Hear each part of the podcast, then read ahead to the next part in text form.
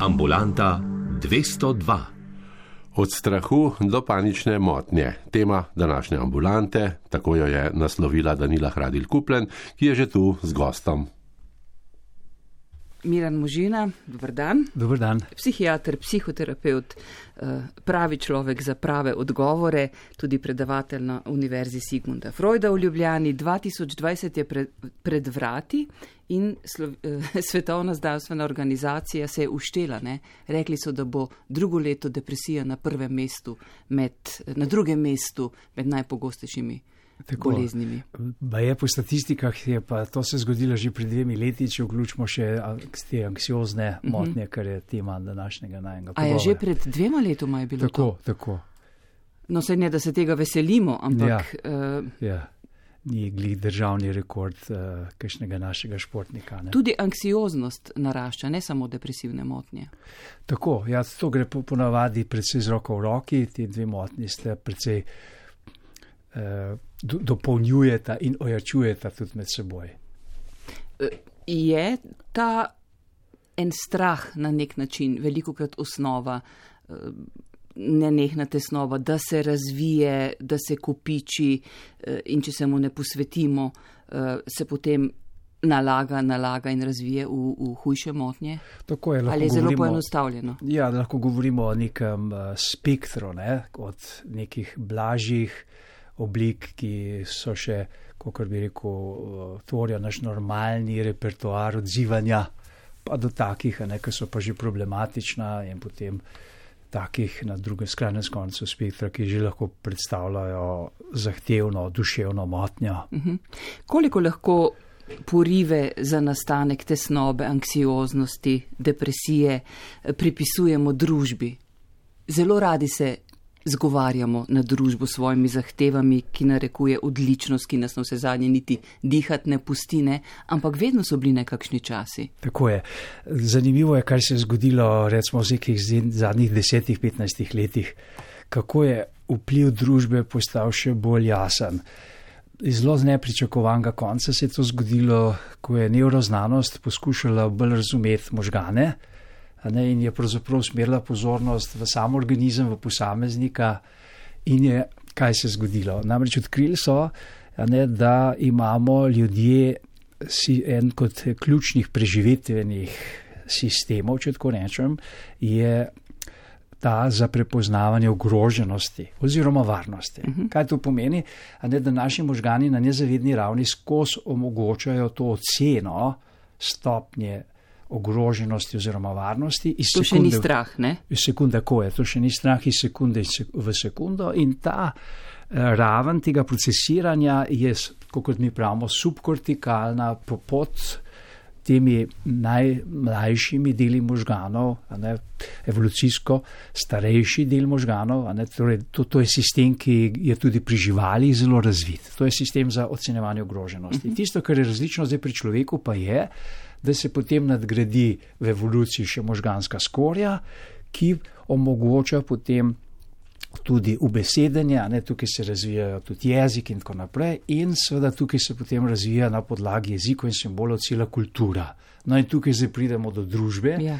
da to ne preneham, ta naš občutek, koliko smo varni ali ne varni, a ne zdaj potem eh, na nek način klasificira, opredeli pol ta kulturni vpliv, družbeni vpliv.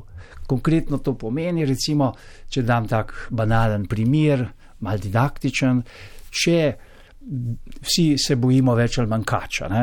Ampak recimo, če bi živel otrok v nekem okolju, kjer, sta, kjer so starši zelo domači s kačami, ne, bi tega strahu ne razvil. To se pravi, ne, da je tukaj zelo pomemben ta vpliv kulture.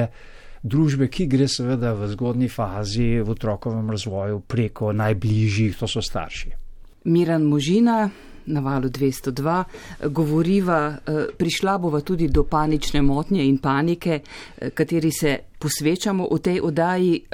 O družbi, ki pliva na nas, sva govorila o tem, da se pri nas razvija strah, kadar pa zaskrbljenost in strah prevzameta nadzor nad našim mišljenjem, takrat je treba resno pristopiti. Ne?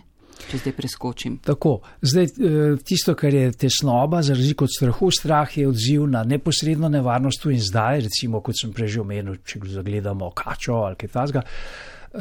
Anksioznost, tesnoba je pa Eh, povezana s prihodnostjo, z našo oceno, kaj nas čaka v prihodnosti, nekaj, kar zna biti ogrožujoče za nas. Ves čas je vprašanje, kaj če, kaj če. Kaj če bo. Ja. Uh mhm. -huh. In zdaj tukaj je eh, v sodobni družbi zelo velik tega, da smo zelo obremenjeni s to prihodnostjo, da bi kontrolirali, nadzorovali. Ne? In tudi zdaj zavarovalnice, recimo, izjemno velike dobičke kujejo iz tega, da nas skozi opozarjajo, zavaruj se pred tem, pred onim, kar te lahko doleti v prihodnosti. In na ta način se, se to anksiozno vzdušje in seveda na mnoge druge načine uh, potem širi v družbi in se tudi seveda nalezejo ga že otroci in mladi, ne, da potem se gleda tako, kot življenje je, zelo, je polno nevarnosti, ampak to lahko zdaj obvladamo, moramo se zelo.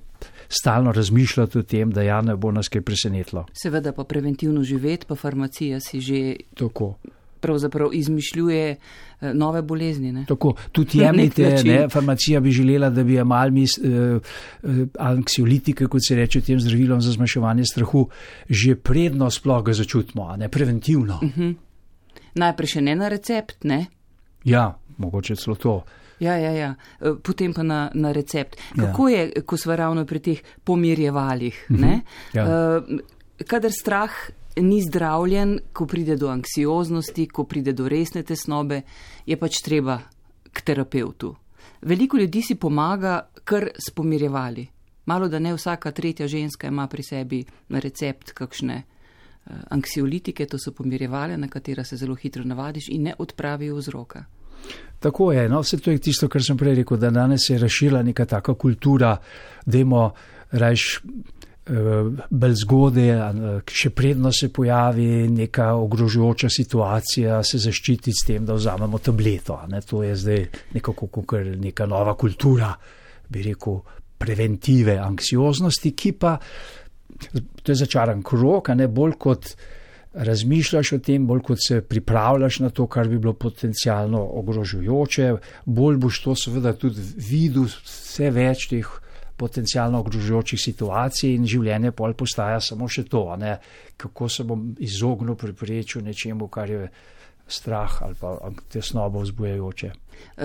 Panični napad je eden izmed takih, ki dokazuje, da se ne da preprečiti. Ba je lahko deleti vsakogar, tudi zdravo osebo, kadarkoli. Ja, panični napad. Je ali je res to tako? Tako panični napad, oziroma mogoče bi lahko tudi rekli neka panična epizoda. Ja. Ne, ker napad je že tako, bi rekel, taka beseda, ne, ki uh, nekaj nas napade. Ne, gre za epizodo. Ne, mi se lahko bolj ali manj ustrašimo nečesa ali predvidevamo nekaj, kar nas bolj ali manj tes, nas daje s tesnobo. In seveda zdaj lahko se ta amplituda, če tako rečem, ta val je majhen ali pa večji. In zdaj to je prva stvar, to se pravi intenziteta enega vala, potem je pa še frekvenca, koliko krat se nam to ponavlja. Ne? Če imamo recimo izolirano, enkrat se zelo močno eh, vznemirimo. Na ne, to še ni duševna motnja, ne more biti po intenziteti, to tako da zelo že nas, bi rekel, globlje prestraši ne, in nam pozornost od drugih stvari zelo počasi vse bolj pritegne in pa poleg te večje intenzitete mora biti tudi pogostost večja, da potem lahko govorimo o motnji. To je pa motnja. Ne. Ampak ta enkratni dogodek, ja. ne, ki, se, ki nas dobi nepripravljene, Eh, je videti precej zastrašujoče. Vsaj govori o tem tako, ne, da je podoben srčnemu napadu, da veliko krat kličemo 112, da gremo na urgenco, kjer nas sicer potolažijo, da ni srčni napad, ampak.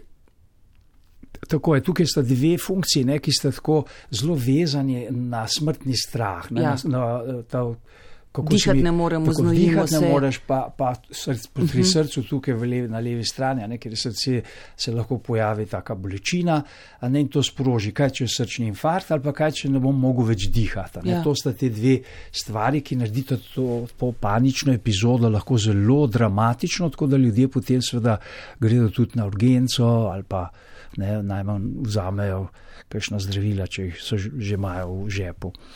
Kaj pa lahko okolica naredi, ko vidi človeka? Ostane mirna, če se le da, a ne zdaj, tisto, kar je tipičen, tako kot odziv na ta povečan zdaj strah, a ne na to predstavo, joj, če bom umrl, je, da še bolj poudarjeno diham, kar privede do poretiranega povišanja eh, kisika v krvi, ne kar, kar dodatno eh, sproža kup mučnih občutkov, lahko tudi krče. Tako da tisto, kar je prva pomoč, zelo naravna, brez zdravil, je pač recimo dihanje v vrečko, tako to, ker ne moreš ne kontrolirati ga. Poudarjenega dihanja, da pač vdihuješ svoj izdihani zrak, ki je bogat s tem oglikovim dioksidom, in s tem preprečiš to, ne, da bi ta eh, da bi prišlo do te povečane, pretirano povečane koncentracije kisika v krvi. Se pravi, to dihanje, veliko krat se o tem govori, mora biti je podcenjeno, v resnici velja. Absolutno, ker zdaj to je zdaj kako v napadu, ravnatelj, oziroma v taki epizodi, kot sem prej rekel. Drugo pa je preventiva. In eh, tudi raziskave, ki so kazale v ra- v raznih psihoterapevtskih tretmajih, teh motenj kažejo, da je ena ključnih stvari, da se ljudje naučijo dihati. Ljudje, ki so nagnjeni in ki stopnjujejo to pogostost in intenziteto teh paničnih epizod, se pokaže, da v običajnem stanju ne dihajo dobro. To se pravi, da je premalo tega, kot pravimo, dihanja za trebušno prepono. ne. Preveč plitko je in hitro, tako kot pasje dihanje. Da se naučijo pred, predvsem to Počasen vdih. vdihen in potem počasen podaljšan izdih. To je zelo pomembno, ne da tudi regulira raven vzburjenosti v možganih.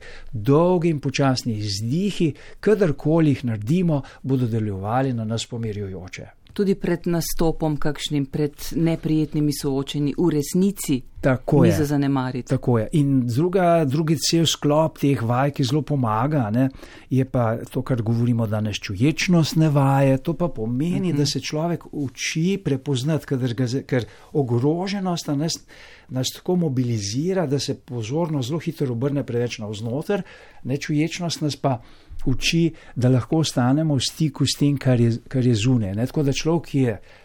Ker, Prisoten biti. je tako, da človek je nagnjen k preveč anksioznemu reagiranju, da se s to spomni, aha, poglej, kaj, kaj je okoli mene, kakšne barve so, recimo, ko grem po cesti, kaj slišim, kaj čutim, ko hodim in tako naprej. Skratka, da greš k tem čist preprostim, recimo senzornim zaznavam, to tudi zelo pomaga. Miran Možina, eh, vedno rečeva na koncu in to velja vedno podčrtati, da vsaka nezdravljena, prezrta duševna motnja eh, lahko dobi nove razsežnosti ne? in velike.